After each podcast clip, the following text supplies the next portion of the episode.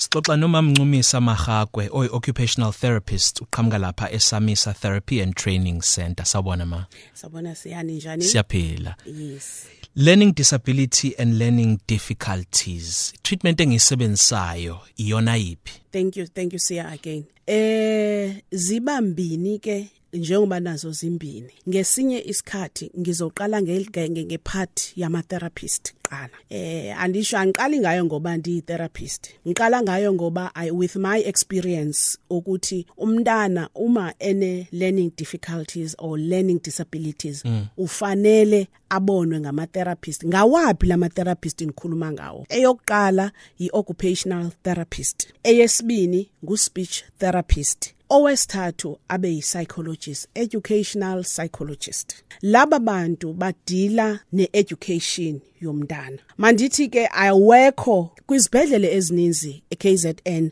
ezinye zabo ezisemakhaya azibinawo onke kodwa kuba khona oyedwa ongakwenza ukuthi ingane isizakale. I-educational psychologist iyenza i-IQ yomntana ukuthi lo mntana ngokomqondo wakhe intellectually ukweliphi iqondo uqondo is it below or above? Asuke apho ku educational ayithumele kwi occupational therapist which is me. Mna ke ngizom assessa lo mntana sisebenzisa ke ama standardized test. Unfortunately e South Africa ka asinawo ngama gawa overseas esiwasebenzisayo for South Africans.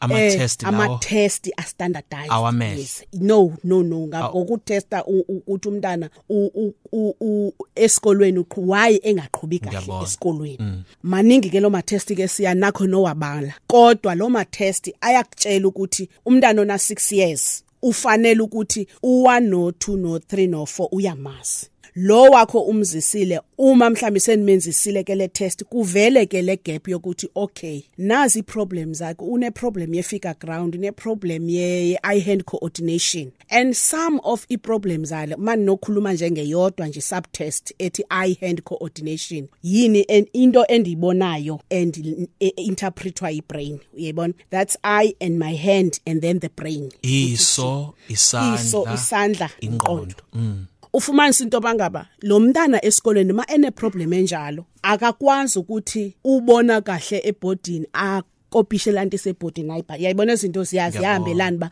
ngijongile ngiyabhala.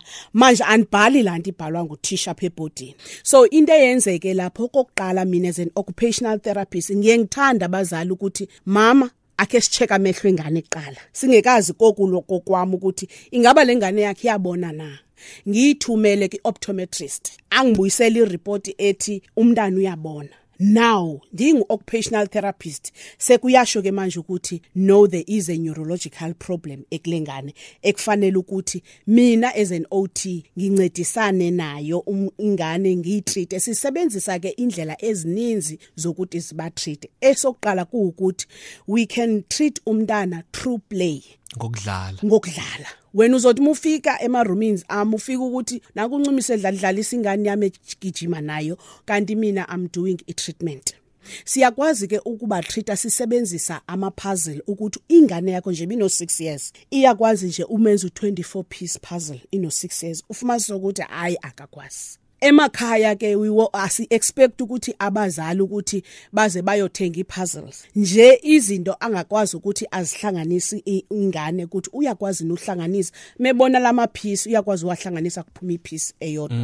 Okwesibini ke siye sithi ke thina singama OTs njengoba umntana asimtreat njengoba uzoza nengane yakho ngitreat ingane yakho ngiyenifise mina ukuthi umndeni ubaba nomama babe khona ku treatment yengane and give this child isupport ngoba lo mntana without abazali bakhe ngeke akwazi ukuthi aphumelele.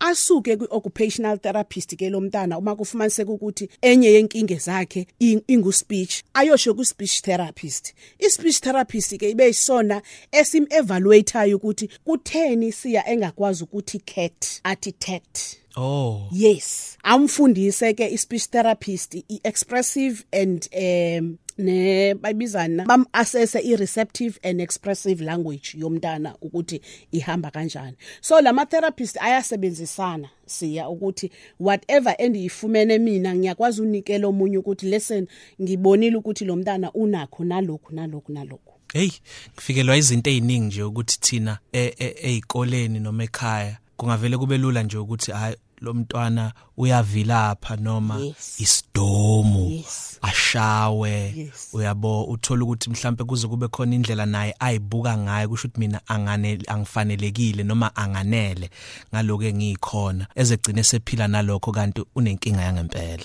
Siyabonga kakhulu. Imininingwane yakhe email address? Uncumisa @samisatherapy.co.za siyabonga kakhulu. Siyabonga kakhulu nakunzi